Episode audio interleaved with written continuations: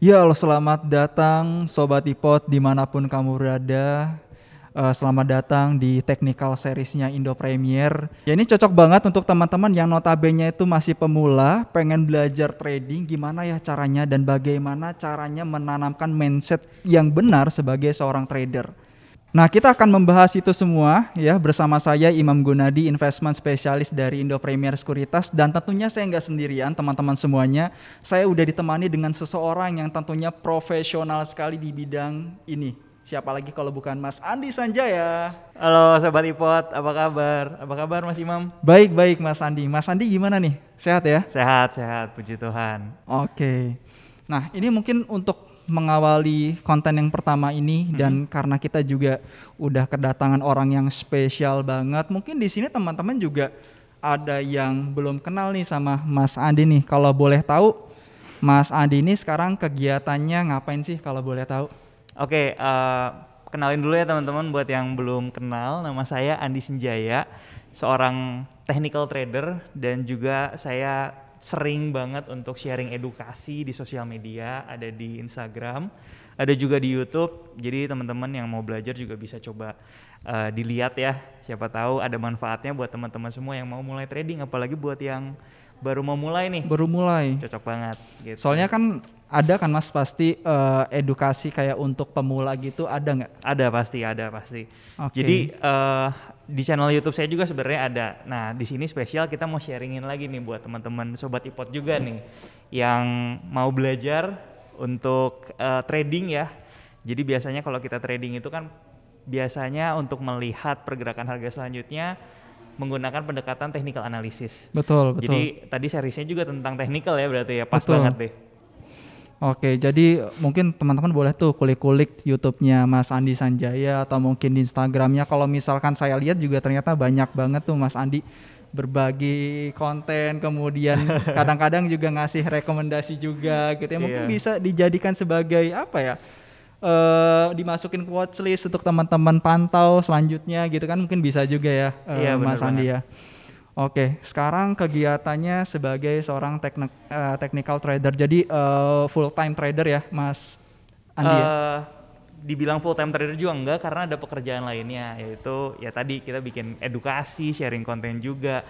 Jadi uh, untuk saya pribadi sebenarnya lebih ke swing trader gitu ya. Nah, okay. Kalau misalkan kita ngobrolin tentang trader itu banyak sekali tipe-tipe uh, trader. Tipe-tipe tradernya. Ya kan? Ada yang mungkin day trader hmm. jadi mereka itu uh, beli pagi misalkan um, jual jualnya udah langsung uh, sebelum market tutup itu biasanya day trader ada juga yang scalper hmm. kalau scalper itu kayak dalam satu hari itu bisa uh, transaksi cepat gitu ya uh, dalam 15 menit misalkan udah harga naik berapa persen langsung direalisasikan keuntungannya. Betul, Itu betul. satu hari bisa mungkin 5 sampai 10 kali itu trading kalau ada peluang yang bagus. Tapi kalau saya sendiri lebih ke swing trading, uh, swing trader. Jadi uh, lebih mengambil momentum dalam satu pergerakan swing. Jadi kalau misalkan uh, pergerakan harga saham, kalau Mas Imam lihat juga ya, hmm. pastikan itu kan seperti tangga ya. Seperti tangga. Kurang lebih kalau lagi naik ke atas kan kayak tangga dia ada naik turun, naik turun.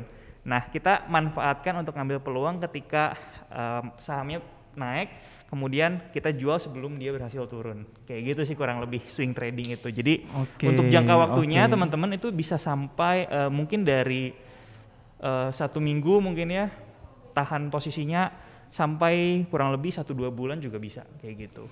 Oke, jadi kan e, kalau misalkan kita lihat tadi udah ada beberapa tipe atau beberapa jenis orang trader ya, yeah. Iya. e, Mas Andi ya. Ini kalau misalkan mungkin nih sobat ipot bisa dijadikan sebagai pilihan juga ya. Bener Apakah kalau misalkan kalau misalkan kita ingin e, apa ya? Memilih diri kita itu, kita itu menjadi seorang trader, kita harus pilih lagi nih trader yang mau kayak mana. Apakah kita pengen swing, apakah kita pengen scalping gitu ya, mm-hmm. atau pengen tadi kita itu beli uh, pagi, jual sebelum market tutup Betul. gitu ya, seperti jadi sebenarnya banyak jenis-jenisnya dan tentunya dari masing-masing jenis ini pun punya karakteristik sendiri-sendiri, punya yes. tingkat risiko sendiri-sendiri ya mas, seperti itu ya. Betul, jadi setiap trader itu kan memang memiliki uh, profil risikonya masing-masing. Mungkin ada yang cocok sebagai scalper. Hmm. Jadi kalau yang cocok sebagai scalper itu ketika disuruh swing trading mungkin eh, nggak terlalu profitable gitu ya. Jadi memang karakteristik dari masing-masing pribadinya mungkin kalau saya disuruh day trading juga belum tentu nyaman. Jadi ini Oke. masalah kenyamanan. Kadang-kadang ada yang nyaman melihat eh, market setiap hari, setiap setiap jam, setiap detik market bergerak dia nyaman dan mencari peluang di situ. Tapi mungkin juga ada yang nggak nyaman dengan style seperti itu, juga nggak ada masalah gitu. Kita Oke. bisa mencari jati diri seorang trader masing-masing, istilahnya betul, gitu. betul.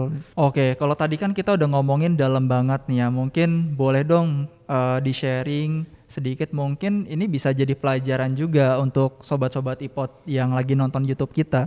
Ya. Ini kalau boleh tahu Mas Andi itu pertama kali trading itu kapan khususnya di saham? Kalau di saham itu khususnya saya pertama kali mulai itu sekitar mungkin 3-4 tahun yang lalu ya. Pertama kali untuk uh, kenal market saham. Tapi sebenarnya sebelumnya itu saya udah punya pengalaman trading, apalagi belajar technical analysisnya itu di instrumen investasi yang lain sebenarnya Oke. di luar saham. Waktu itu di currency trading.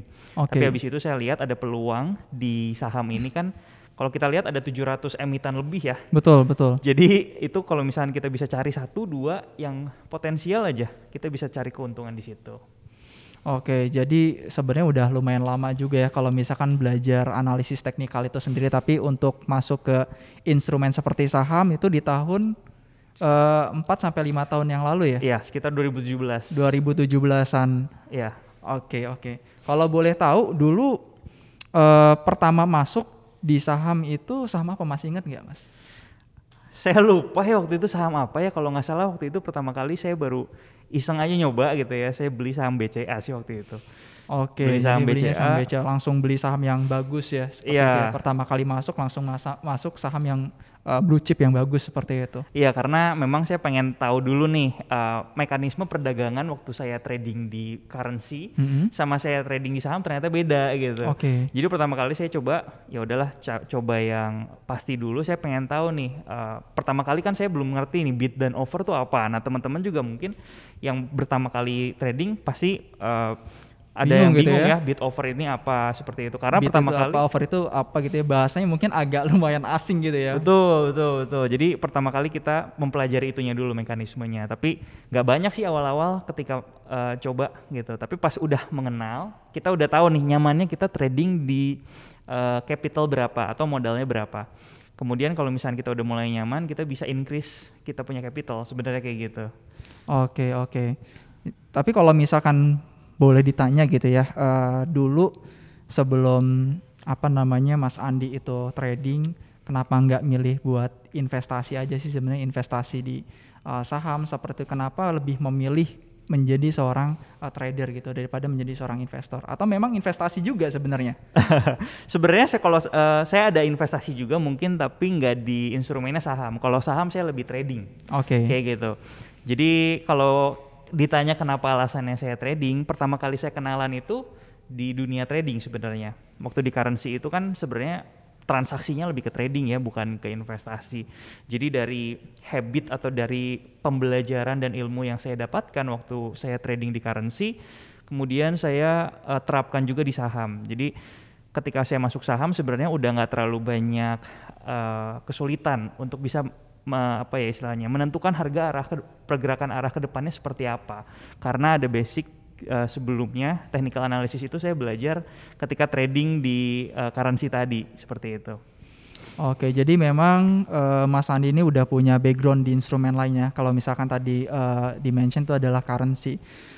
Eh, kalau misalkan Mas Andi kan tadi udah punya background jadi lebih enak gitu. Kalau misalkan mau masuk ke saham, ya mungkin butuh adaptasi mungkin tapi nggak terlalu lama ya. Betul. Tapi untuk teman-teman yang lain yang notabene baru mungkin baru buka account, Iya. baru jadi investor di pasar modal khususnya di saham, kira-kira kalau mereka itu mau langsung jadi trader itu bisa nggak sih sebenarnya? Dan kalau misalkan bisa, hal-hal apa yang tentunya perlu sobat Tipo teman-teman ini lakukan gitu, persiapkan juga.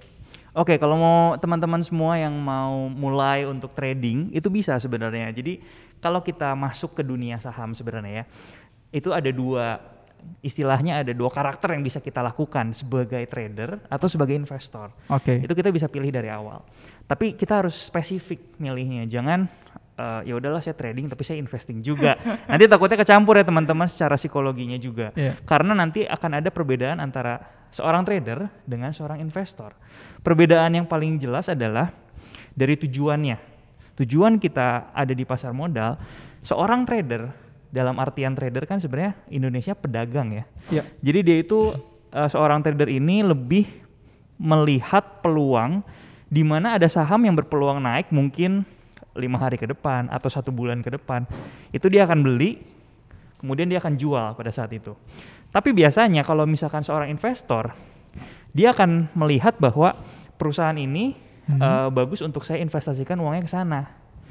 Jadi nanti di dalamnya selain mendapatkan keuntungan ketika marketnya atau harga sahamnya naik, dia juga bisa mendapatkan dividen dari memegang saham tersebut. Seperti itu. Jadi investor benar-benar kayak seperti investor. Jadi itu adalah dua karakter yang berbeda. Nah, itu harus kita tentukan dulu dari awal nih. Tujuan kita itu untuk eh, jual beli saham dalam jangka waktu berapa lama. Kalau misalkan kita eh, lebih nyaman atau kita ingin eh, istilahnya membeli saham untuk jangka waktu mungkin investasi 3 sampai 5 tahun jadilah investor. Itu lebih cocok. Betul. Nah, nanti apa yang harus kita siapkan untuk menjadi trader dan menjadi investor itu nanti pendekatan analisisnya. Oke. Biasanya kalau kita ingin menjadi seorang investor, kita perlu juga menganalisis secara fundamentalnya. Apakah perusahaannya growing, bagus, prospek 3 sampai 5 tahun ke depan. Namun kalau untuk uh, trading atau trader itu biasanya kita mendek- uh, melakukan pendekatan analisis teknikal seperti teh series yang sekarang ya, yang sekarang Ya. kita lagi uh, ngobrol. Jadi basicnya technical analysis adalah sebuah uh, te- sebuah cara menganalisis menggunakan data historis atau harga yang udah bergerak sebelumnya, ya kan? Itu kita bisa melihat uh, perilaku perilaku dari Pasar ya? uh, pasarnya, perilaku pasarnya atau perilaku pelaku pasar untuk menentukan kurang lebih uh, harga ke depannya itu akan bergerak ke arah mana naik atau turun. Jadi market itu kan digerakkan oleh supply dan demand sebenarnya. ya. Jadi dari pergerakan harga itu tercermin sebenarnya psikologis market itu apakah sedang optimis saat ini atau mungkin sedang pesimis. Kurang lebih seperti itu. Jadi eh, analisis teknikal itu lebih eh, bisa menentukan kurang lebih mungkin lima hari ke depan atau seminggu ke depan itu arahnya ke mana sih. Menggunakan data historis untuk melihat future price-nya sih. Future price-nya ke depannya seperti apa. Kurang lebih kayak gitu.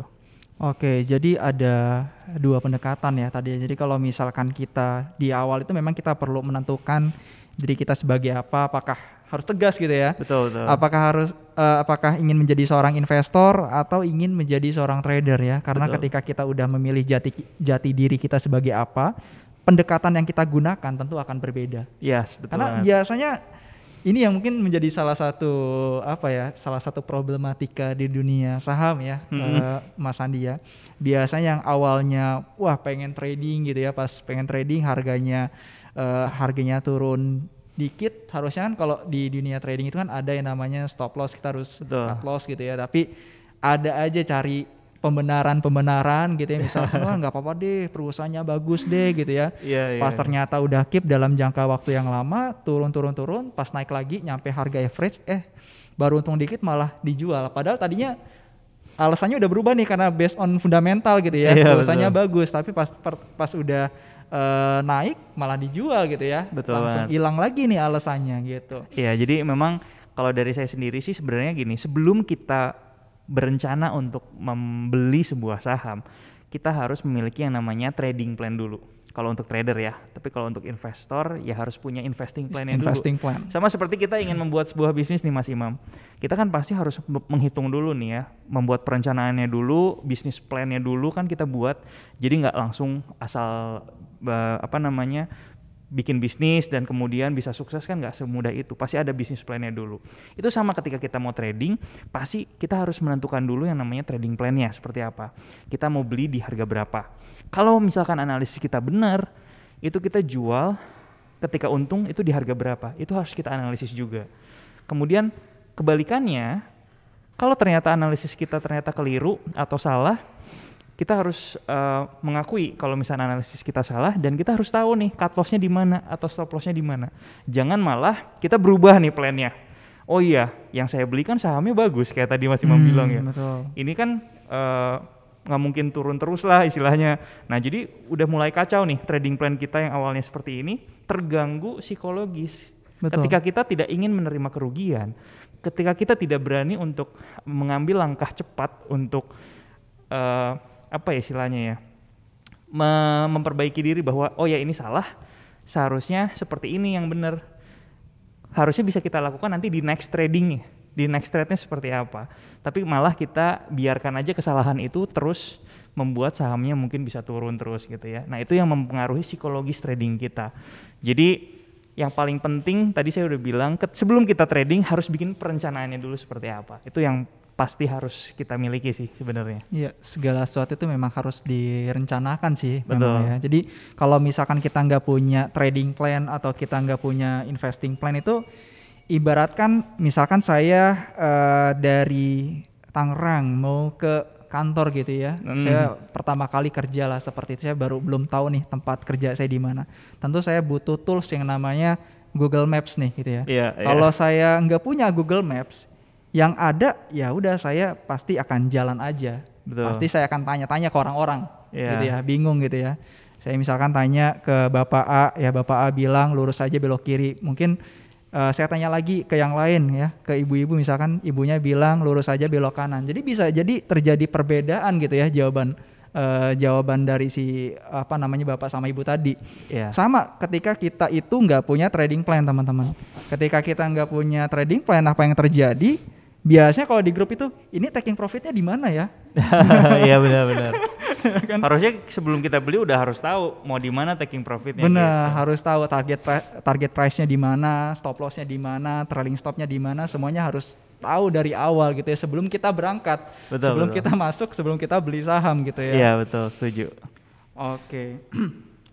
Oke, eh, mungkin kalau boleh dirangkum nih eh, Mas Andi dari mulai pertama kali trading nih, pertama kali trading walaupun Iya. bukan di saham itu eh udah berapa lama berarti? Kurang lebih sekitar 9 tahun ya sampai saat ini. Oke, 9 tahun jadi lumayan lama ya. Jadi kalau misalkan eh, pas apa ya? Pas 9 tahun itu pernah nggak sih ngalamin kesalahan-kesalahan yang mungkin ini bisa jadi pelajaran untuk teman-teman sobat ipot semuanya nih. Pasti pasti. Jadi Contohnya gimana contohnya tuh? iya Khususnya saya di saham deh, khususnya di saham. uh, uh, saya saya percaya kalau kita belum pernah uh, melakukan kesalahan kita masih belum belajar 100% seperti itu. Kalau di saham uh, kadang-kadang saya punya trading plan tapi saya nggak menjalankannya dengan baik. Terpengaruh uh, dari apa ya dari opini pribadi atau feeling pribadi di yang bermain. Kalau misalkan kita tahu oh ya ini saham sebenarnya uh, kurang liquid nih. Tapi saya penasaran nih pengen coba untuk mendapatkan Oke. profit yang cepat. Kadang-kadang itu perasaan muncul gitu ya. Ya udah saya trading di sana eh taunya gagal dan segala macam. Padahal kita udah tahu nih dari awal ini trading eh, persentase untuk bisa berhasilnya kurang. Tapi karena memang apa ya keyakinan diri sendiri yang pengen dapat profit cepet dan segala macam itu saya pernah lakukan juga kurang lebih seperti itu. Jadi performance-nya yang harusnya stabil terlalu confidence atau over confidence jadi malah turun sempat turun. Tapi kita perbaiki abis itu bisa naik lagi. Kurang lebih seperti itu sih kalau untuk di saham. Oke, jadi masalah sebenarnya itu lebih kepada psikologi ya Psikologi benar. atau emosi ya. Jadi ada pengaruh dari penasaran eh, dari dari perasaannya gitu ya. Kalau misalkan tadi kan saya sempat dengar memperbaiki kesalahan tadi ya, Iya. eh, pengaruh dari eh, perasaannya itu. Nah, kira-kira cara memperbaikinya gimana? nih? Karena mungkin sobat ipot di sini yang mungkin eh, notabene masih pemula itu pasti pengaruh secara psikologis itu lumayan besar banget. Oke, ini bagus pertanyaannya karena gini, eh, saya harus bilang di awal, yang menentukan seorang trader ini bisa sukses atau enggak itu bukan dari strategi tradingnya. Oke. Strategi trading atau metode tradingnya itu hanya berkontribusi sekitar 10% aja terhadap kesuksesan trading kita. Yang paling penting adalah psikologi tadi. Jadi kalau saya udah mengerti technical analysis, saya udah belajar, saya udah uh, baca buku ini itu, tapi kita masih belum punya psikologis yang baik. Percayalah, kita masih belum di uh, level yang uh, yang baik lah istilahnya. Jadi ketika uh, seperti tadi ya, psikologis kita mulai terganggu, yang harus kita lakukan pertama kali adalah biasanya nih ya kalau saya saya akan langsung uh, jual sahamnya, kemudian saya akan istirahat satu dua hari untuk menenangkan pikiran. Karena ketika saya langsung uh, trading lagi, biasanya perasaan itu masih masih apa ya perasaan menyesal itu akan selalu menghantui. Jadi saya pengen gimana caranya uh, secepatnya mungkin loss yang sebelumnya harus saya tutup sama trading sekarang. Loss yang sebelumnya harus saya tutup sama trading sekarang. Nah, itu adalah mentality yang salah. Karena balik lagi market itu sebenarnya kita bisa mendapatkan profit bukan dengan kita mencari peluang, tapi kita menunggu peluang. Gitu ya. Kalau kita mencari peluang dan peluang itu, dan market itu tidak memberikan peluang ke kita sebenarnya yang ada modal kita yang mungkin akan uh, tergerus gitu ya atau loss. Tapi ketika kita sabar menunggu peluang itu datang, nanti kita akan melihat sendiri dengan uh, pikiran yang jernih gitu ya. Oke, ini kayaknya bagus sesuai dengan trading plan, sesuai dengan trading-trading saya yang sebelumnya, ada pola yang jelas. Kemudian kita trading di sana dan hasilnya akan maksimal. Kurang lebih Ya, jadi memang benar ya Mas Andi ya kalau misalkan kita terlalu tradingnya terlalu sering gitu ya atau over trading gitu ya. Mm -mm itu kadang-kadang membuat gelombang otak kita itu pikiran kita tuh jadi uh, apa ya jadi uh, banyak pikiran gitu ya Betul. sulit untuk fokus mengambil keputusan. Makanya yeah. kadang saya saya juga uh, ketika saya ingin trading itu saya harus dalam kondisi mood saya itu lagi bagus. Betul itu pengaruh ya. Itu pengaruh banget soalnya. Soalnya kalau misalkan moodnya nggak bagus itu mungkin teman-teman nanti bisa cobain deh ya. Ketika moodnya itu lagi nggak oke, okay, moodnya lagi nggak bagus, teman-teman paksain untuk trading itu ketika teman-teman ngambil keputusan itu bisa berdasarkan emosional banget. Betul. Kayak misalkan kita udah tahu nih target price-nya di mana, market eh, apa namanya harga bergerak seperti apa gitu kan. Kita kadang-kadang kayak ngerasa uh, ayo dong buruan naik, ayo dong sampai target price gitu ya. Padahal iya. lagi-lagi pergerakan harga itu ditentukan oleh market bukan oleh kita. Betul betul ya benar benar. Gitu ya. Oke, ini uh, kompor gas banget nih teman-teman ya materinya. Walaupun masih uh, baru konten pertama kita di technical series tapi udah dalam banget nih pembahasannya. Mungkin kita mau ke pembahasan salah satu pembahasan intinya nih ya karena sekarang kita udah kedatangan expertnya ya saya mau tanya dong gitu ya. Kira-kira cara cari saham yang bagus nih, cara cari momentum yang bagus gimana nih Mas Andi? Supaya kita itu masuknya kan biasanya ditanyain uh, sobat ipot itu kapan sih waktu yang tepat untuk masuk ke saham, kapan sih waktu yang tepat untuk keluar di saham tuh biasanya banyak banget tuh sobat ipot yang nanya tuh. Iya benar. Kalau Mas Andi sendiri gimana nih? Oke, jadi kayaknya ini pertanyaan sejuta umat ya, sejuta umat trader ya. Iya, jadi, iya, iya. Oke, gini sebenarnya saham yang bagus itu menurut seorang apa gitu, seorang investor atau seorang trader. Nah, sekarang kita mau ngomongin spesifik untuk trader ya. Jadi pilihan Beda ya? atau stock pick mungkin untuk seorang trader sama seorang investor uh, investor itu akan berbeda. Nah, tapi kalau spesifik kita berbicara tentang uh, saham yang bagus untuk kita tradingkan, nah itu adalah ini sebenarnya basic banget, gampang banget. Ketika kita mencari saham yang sedang saat ini sedang bergerak uh, naik, ya uptrend. Karena kan kalau kita mau mendapatkan keuntungan pasti sahamnya harus naik ya, okay. satu arah naik. Itu gampang aja. Kita harus cari uh, saham yang saat ini sedang bergerak dalam tren naik atau okay. uptrend. uptrend. Nah ini adalah basic yang pertama sebenarnya. Dan ini sebenarnya gampang banget teman-teman trader bisa langsung mengidentifikasi tren itu hanya dengan menggunakan chart atau ngelihat chart. Jadi kalau di dalam tampilan uh, grafik atau chart, Mas Imam nanti akan, akan melihat gampang. Misalkan harga sahamnya kalau kita lihat di sebelah kirinya di bawah, kemudian sebelah kanannya di atas, berarti dia lagi naik kan? Ya. Nah, itu berarti kita sebenarnya bisa menyimpulkan bahwa uh, saham tersebut sedang bergerak uptrend. Oke. Okay. Oke. Okay? Nah, biasanya yang salah ya kalau saya melihat uh, saya melihat ini berdasarkan opini aja banyak uh, orang-orang yang ber, berpikir bahwa ketika sahamnya sudah naik artinya memiliki peluang lebih lebih besar untuk turun karena mungkin udah terlalu tinggi harganya atau udah hmm. kemahalan bener ya sering dengar seperti itu tapi sebenarnya secara uh, kalau kita melakukan analisis itu justru saham-saham yang sedang bergerak naik itu punya potensi yang lebih besar untuk melanjutkan kenaikannya. Kenapa? Karena kita melihat bahwa perilaku psikologis marketnya itu lagi optimis terhadap betul, saham ini. Betul, betul. Jadi itu adalah yang pertama. Nah, kemudian yang harus kita hindari adalah saham-saham yang saat ini sedang bergerak turun ke bawah atau downtrend. Nah, biasanya ada orang yang bilang bahwa uh, ini market uh, ini sahamnya udah murah. Soalnya sebelumnya harganya mungkin uh, di 5000. Saat ini mungkin turun ke harga 3000 misalkan ya. Wah, ini udah murah. Tapi kita harus lihat dulu bahwa ketika saham itu mengalami penurunan, artinya uh, market itu sedang pesimis sih sebenarnya terhadap saham tersebut. Seperti itu. Jadi ada sebuah quote yang menarik. There is no price too high in the bull market. Bull market itu artinya sahamnya lagi uptrend. Oke. Okay. Jadi tidak ada sebuah harga yang sebenarnya sudah terlalu mahal untuk untuk harga atau saham yang saat ini sedang bergerak uptrend. Jadi sekarang misalkan harganya di 10.000 itu udah sangat tinggi sebenarnya ya soalnya sebelumnya belum pernah nyampe 10.000 kalau lagi uh, kalau sahamnya lagi bergerak uptrend itu sebenarnya kalau kita lihat itu bisa ke 12.000 bisa lihat lagi ke 15.000 gitu ya. Jadi no resistance di atas. Nah itu kebalikannya. There is no price too low in the bear market. Jadi ketika sahamnya terus turun kita jangan langsung menyimpulkan bahwa ini sudah murah.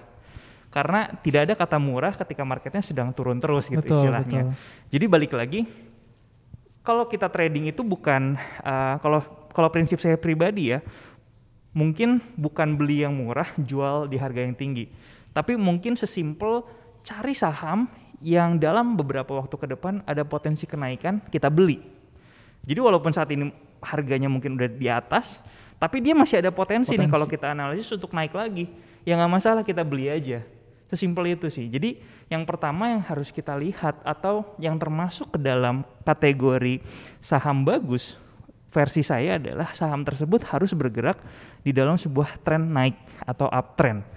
Jadi okay. itu adalah screening pertama. Oke. Okay, Kalau buat saya screening pertama, pertama itu. ya. Uh, screening pertama adalah kita perlu cari saham-saham yang memang saat ini sedang bergerak naik atau uptrend ya. Betul banget. Mas Andi ya. Tapi uh, mungkin sebelum kita ke selanjutnya nih ke yang kedua, screening mm -hmm. yang kedua. Untuk mengidentifikasi atau mencari saham-saham yang kiranya saat ini lagi dalam kondisi uptrend, itu metode apa yang dipakai Mas Andi? Oke, okay, sebenarnya kita bisa uh, melihat dari pergerakan harga sahamnya ya. Jadi hmm. kalau kita buka nih harga saham ABCDE uh, eh, ABCD gitu ya, saham ABCD pas kita lihat itu kalau kita perhatikan aja kalau sahamnya lagi bergerak seperti tangga naik ke atas yang tadi saya bilang, itu sebenarnya saat ini trennya lagi naik atau uptrend. Tapi mungkin uh, akan ada kesulitan untuk mencari dari 700 saham uh, ada berapa berapa atau saham apa aja sih yang saat ini sedang bergerak uptrend gitu ya. Kalau saya kalau saya nggak salah saya juga uh, sering pakai aplikasinya Indo Premier. Jadi aplikasi Indo Premier itu ada sebuah fitur yang namanya stock screener. Mungkin kita bisa ini kali ya. ya. Kita bisa tunjukin kali ya. Jadi di fitur stock screenernya iPod ini kita bisa langsung memfilter saham-saham mana aja sih yang saat ini sedang bergerak uptrend. Kurang lebih seperti itu coba saya buka dulu aplikasinya biar teman-teman atau sobat iPod semua bisa sekalian memanfaatkan uh, fitur dari Indo Premier juga ya. Oke sobat iPod, jadi ini ada tips dari saya karena saya juga pakai aplikasi iPod dan biasanya untuk mencari saham-saham yang bagus nih ya Mas Imam itu saya menggunakan satu fitur di aplikasi iPod ini itu namanya stock screener ya. Okay. Jadi kita akan coba uh, share aja ke teman atau ke sobat iPod biar teman-teman di rumah juga bisa mulai bisa mencari saham-saham yang bagus seperti apa. Tadi kan kita udah bilang ya kalau misalkan saham yang bagus itu saat uh, saham yang saat ini sedang bergerak uptrend. Jadi kita okay. akan coba memanfaatkan fitur dari stock screener ini. Jadi kita ke stocks yang ada di sini Kemudian kita di bawah sini ada fitur yang namanya stock screener. Jadi kita bisa klik stock screenernya. Nah sekarang gimana caranya kita mencari saham-saham yang saat ini sedang bergerak uptrend. Jadi teman-teman kalau ke bawah itu di kolom ketiga ada kolom yang namanya up from low. Nah di sini kita akan isi formulasi yang saya kondisikan gimana caranya biar kita dapat saham yang lagi bergerak uptrend. Jadi di sini dalam satu minggu itu saya ganti biasanya di atas 10%. Jadi dalam satu minggu itu kenaikannya harus di atas 10%. Kemudian satu lagi, eh, dalam satu bulan ke belakang dia juga harus naik di atas 25% atau sama dengan 25%. Nah, biasanya dengan formulasi seperti ini biasanya saya bisa atau berhasil mendapatkan saham-saham yang menjadi incaran-incaran saya seperti itu. Nah, sekarang kita akan coba untuk uh, tekan search yang ada di bawah. Jadi logikanya adalah kita mengkondisikan si fitur tersebut untuk men-screening ya, men-screening Mas Imam ya. saham-saham mana sih yang dalam satu minggu ke belakang itu berhasil naik 10%, dalam satu bulan ke belakang itu berhasil naik 25%. Logikanya biasanya kalau kita udah menetapkan formulasi seperti itu, kita akan ketemu nih sama saham-saham yang chartnya atau marketnya sedang bergerak naik. Kurang lebih seperti itu. Nah, ini uh, udah muncul nih. Jadi dari 700 saham, itu di sini berhasil difilter sekitar 44 saham. Ini masih banyak 44 saham. Dan ini adalah tahap screening yang pertama. Nanti teman-teman juga harus men-screening lagi nih mana yang marketnya uh, liquid dan bagus untuk ditradingkan, mana yang harus dihindari kurang lebih seperti itu. Atau ini bisa jadi guideline kita untuk uh, memasukkan saham-saham ke dalam watchlist kita nih. Okay. Kalau misalkan ada peluang di kemudian hari kita bisa langsung eksekusi untuk trading. Jadi ini contohnya aja nih salah satu saham yang saat ini lagi bergerak uptrend itu saham Arto. Kalau kita lihat uh, di sini kita buka chart, kita buka ke advance chart, ya. Nah, oke, okay. di sini kita akan coba lihat. Saya akan putar ya, jadi biar lebih kelihatan, teman-teman. Nah, di sini terlihat jelas harga sahamnya dari awal 2021 dari bawah kiri itu konsisten uh, naik ke atas atau inilah saham yang bergerak uptrend. Walaupun kalau kita lihat saat ini harganya udah 15.000 ke atas dan mungkin sebagian ada yang merasa mahal gitu ya.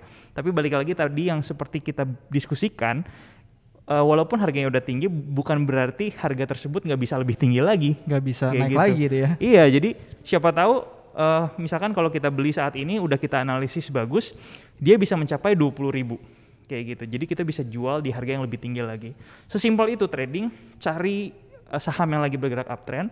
Ketika kita analisis, kita bisa melihat oh ya masih ada potensi dia untuk naik ke level atau ke harga yang lebih tinggi lagi.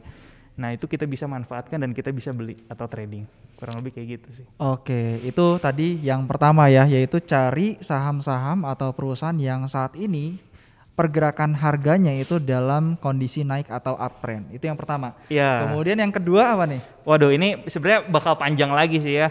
Setelah tren nanti kita akan belajar. Mungkin secara singkatnya aja. Secara singkatnya nanti kita harus lihat di mana sih level support atau resistensinya untuk menentukan entry harga yang ideal. Jadi ketika ketika kita udah tahu nih saham ABCD itu bagus atau potensi, nextnya kan kita harus tahu juga mau belinya di mana.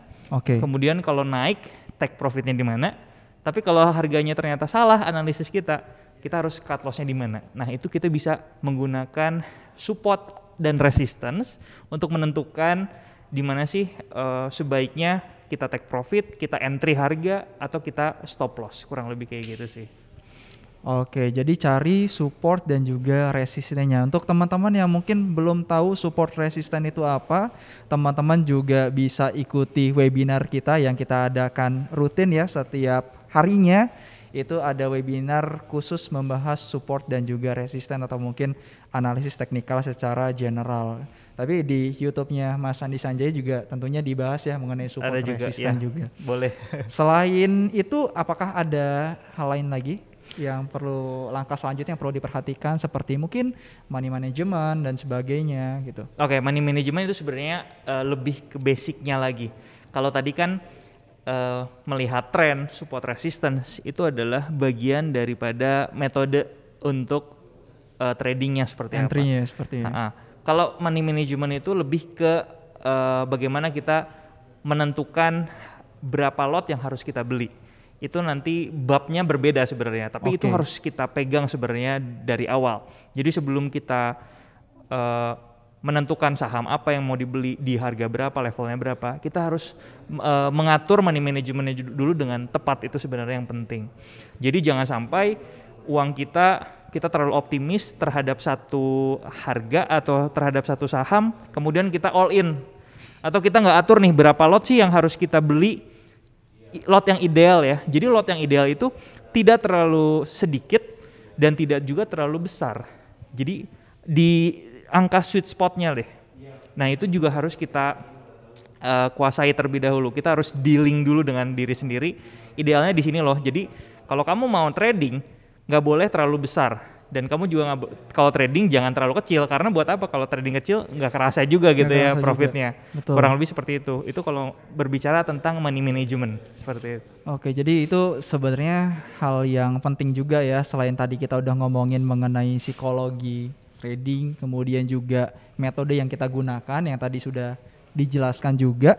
Ternyata ada hal lain nih, money management juga tentunya penting juga ya, Betul. eh, Mas Andi ya. Ya, oke tadi Mas Andi udah sharing banyak banget gimana caranya melakukan entry ke dalam suatu saham ya dengan beberapa trik yang tadi sudah dijelaskan ya mulai dari mencari eh, saham-saham yang lagi naik, support resisten dan sebagainya sampai dengan money manajemennya juga money manajemennya juga tadi sempat di mention juga ya teman-teman ya.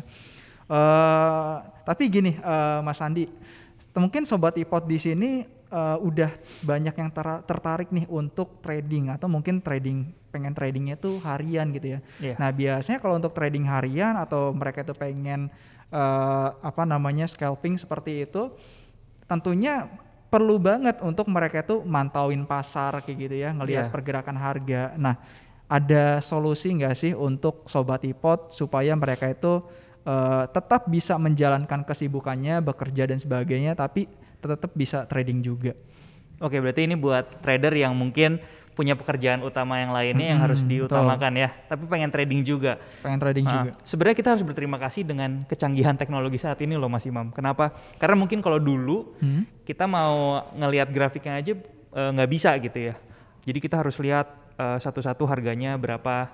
Tapi sekarang udah karena kecanggihan itu ngelihat harga udah langsung diformulasi menjadi grafik. Itu juga sebuah eh, thanks to teknologi lah istilahnya. Nah itu juga menjadi concern.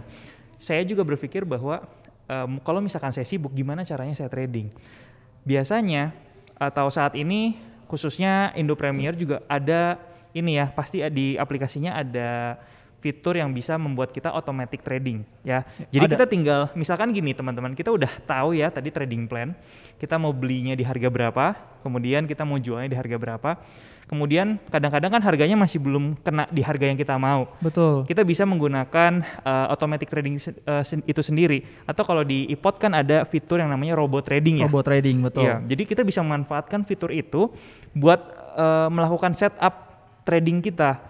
Kita mau entry-nya di berapa, kemudian lotnya berapa, habis itu stop loss-nya nanti di mana, take profit-nya di mana, udah otomatis semua. Jadi nggak usah takut ketinggalan, Ketinggalan. momentum sebenarnya kayak betul gitu. betul karena biasanya mungkin kita entry udah pas gitu ya tapi ketika harga udah bergerak naik gitu udah nyampe target price-nya misalkan seperti itu tapi kita nggak sempat untuk melihat market sampai pada akhirnya harganya malah turun lagi Betul. nyampe harga average eh, lagi atau mungkin nyampe level stop loss pas kita tiba-tiba cek gitu ya Betul. akhirnya betul. kita harus cut loss gitu ya tapi Betul. ya eh, dengan adanya teknologi seperti ini teman-teman semuanya dengan adanya fitur ini memang eh, semoga bisa membantu teman-teman juga ya jadi Iya. Eh, mungkin ketika teman-teman pulang kerja gitu ya habis pulang kerja sampai rumah teman-teman malamnya lakukan analisis ketemu level entry-nya di mana stop loss-nya di mana exit atau target price-nya di mana gitu ya tinggal dimasukin aja angka-angka yang sudah teman-teman dapatkan melalui analisis tersebut masukin ke yang namanya robot trading. Betul banget. Tinggal disubmit selesai teman-teman tinggal kerja seperti biasa. Iya, saya juga belakangan ini eh, mengusahakan gimana caranya trading itu ja- jadi jauh lebih sederhana, ja- ja- jadi jauh lebih simple dengan menggunakan eh, fitur seperti robot trading tadi. Jadi kalau bisa kita eh, ada apa ya istilahnya ya, ada waktu untuk kita bisa lebih gunain untuk hal yang mungkin teman-teman ada yang kerja atau yang apa, jangan ditinggalkan yang itu. Tapi gimana caranya bisa trading juga gitu sambil trading juga. Nah itu bisa dilakukan sebenarnya pakai robot trading. Oke, jadi bisa dapat income tambahan juga ya selain kita bisa dapat income dari pekerjaan utama kita, kita bisa dapat income juga dari trading Ya betul banget. harian ya. Oke, sobat Tipot semuanya nggak kerasa kita udah di penghujung waktu nih ya uh, Mas Andi thank you banget udah sharing banyak hal mengenai seputar dunia trading kemudian juga uh, tadi sempat disinggung juga investasi kemudian bagaimana caranya menanamkan mindset yang benar sebagai seorang uh, trader ya sampai dengan tadi trik bagaimana caranya kita memilih saham untuk trading ya thank you banget uh, Sama-sama, Mas Andi Mas Imam. sudah berbagi dan meluangkan waktunya untuk Indo Premier uh, Sekuritas dan juga tentunya thank you banget untuk teman-teman yang sudah menonton ya uh, konten ini sampai akhir. Semoga ini bermanfaat untuk teman-teman semuanya. Kita akan berjumpa lagi di konten selanjutnya ya. Bye bye.